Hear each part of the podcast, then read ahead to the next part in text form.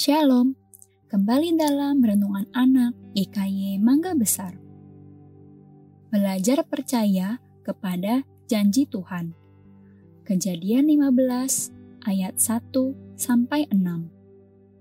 Suatu hari, Richard bersama ayahnya berjalan menuju keluar kota. Sampai di perbatasan kota, sang ayah berkata, "Anakku, ayah memiliki banyak urusan di kota itu. Jangan ke mana-mana, dan berdirilah di sini sambil menunggu ayah kembali. Ayah janji akan menjemputmu kembali. Ayahnya pun segera memasuki kota. Namun, akibat begitu banyak urusan di kota itu, sang ayah akhirnya lupa pada anaknya. Setelah kelelahan berjalan, ia menerima tawaran seorang teman untuk menumpang kereta kuda untuk pulang. Sesampainya di rumah, sang ayah baru sadar bahwa Richard tidak ada di rumah. Kemudian, sang ayah segera bergegas keluar kota untuk menjemput anaknya pulang. Sedangkan Richard yang saat itu masih di perbatasan kota mulai khawatir dan ragu apakah ayahnya akan datang menjemputnya ia mulai takut kalau ayahnya melupakan janjinya. Teman-teman, Abram juga demikian. Ia mulai ragu akan janji Tuhan bahwa ia dan keturunannya akan menjadi sebuah bangsa yang besar. Karena itu, Abram menyadari dirinya sudah tua dan ia masih belum memiliki keturunan sebagai ahli waris. Karena itu, ia mempersiapkan Eliezer menjadi pengganti. Namun, Allah tidak lupa pada perjanjiannya. Tuhan berfirman kepada Abram dalam suatu penglihatan, bukan mimpi, karena saat itu Abram tidak tidur.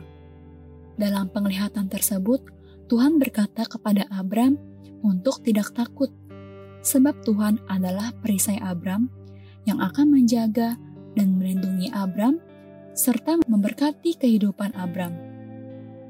Bahkan Tuhan menegaskan kepada Abram bahwa yang akan menjadi ahli waris Abram bukanlah Eliezer, melainkan anak kandung Abram dan Sarai sendiri. Dan Tuhan juga menegaskan bahwa keturunan Abram akan sebanyak jumlah bintang di langit. Teman-teman, Meskipun saat itu janji Tuhan belum digenapi, Sarai, istri Abam, juga sudah tua dan belum mengandung. Tapi, penegasan janji dari Tuhan memberikan kepastian kepada Abram dan imannya dikuatkan kembali. Abram belajar untuk percaya bahwa Tuhan akan menggenapi janjinya meskipun dirinya tidak tahu kapan. Percaya berarti mempercayakan diri kita kepada pribadi yang kita percayai. Dan Abram mempercayakan dirinya kepada Tuhan. Itulah yang menyenangkan hati Tuhan, dan Tuhan memperhitungkan hal itu sebagai kebenaran. Kebenaran di sini berarti Abraham memperoleh anugerah, mempunyai hubungan yang dekat dengan Tuhan, dan menjadi sahabatnya Tuhan. Teman-teman, Tuhan sungguh menghargai orang yang percaya penuh kepadanya. Oleh karena itu, dalam kesulitan atau pergumulan yang kita hadapi, marilah kita belajar untuk percaya kepada janji Tuhan.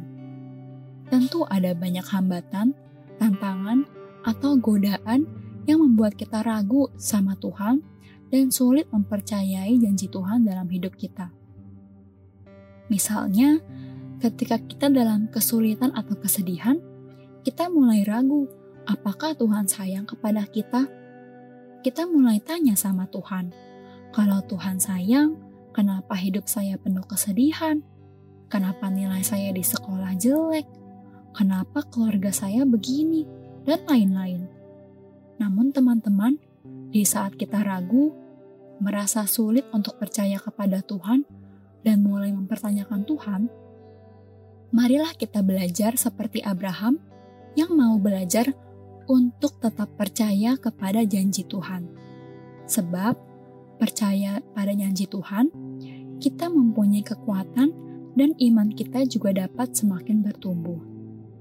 percayalah bahwa Tuhan turut bekerja dalam segala sesuatu untuk mendatangkan kebaikan bagi mereka yang mengasihi Dia dan percaya kepadanya. Kiranya Roh Kudus boleh menolong setiap kita untuk belajar percaya kepada janji Tuhan. Amin. Tuhan Yesus memberkati.